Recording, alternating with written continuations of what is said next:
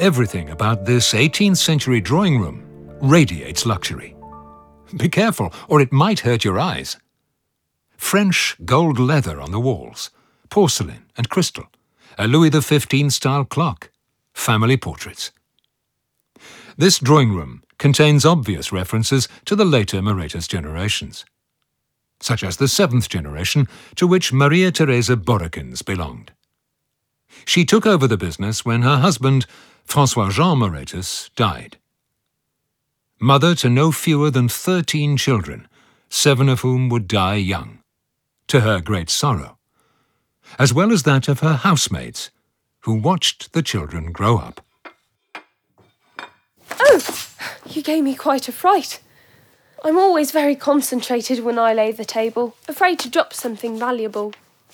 Imagine a porcelain plate like this with a family crest in smithereens, or a crystal glass.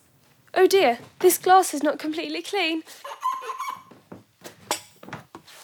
I'm setting the table because her ladyship is returning home from a business trip this evening. She runs the printing house now.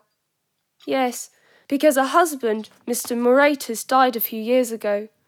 Some say it was from exhaustion, because he and Madam have thirteen children. The last was born eight months after his death. Can you imagine? But of exhaustion, I don't believe that. Six of the thirteen children have already died. Such a shame. Another one yesterday. Such a beautiful child. It breaks my heart to think about it. Madam doesn't even know yet. We'll have to tell her this evening that another one has died. Fortunately, she has a few spare. Oh no, it might be inappropriate for me to say that. I'd better keep my mouth shut. Things have been hard enough lately. The Spanish king withdrew all our privilege. Privilege. We know when we are no longer allowed to print anything for him. Madam had to let people go. Good people. Really dreadful. You know the business is struggling to get by. And another baby had to go and die.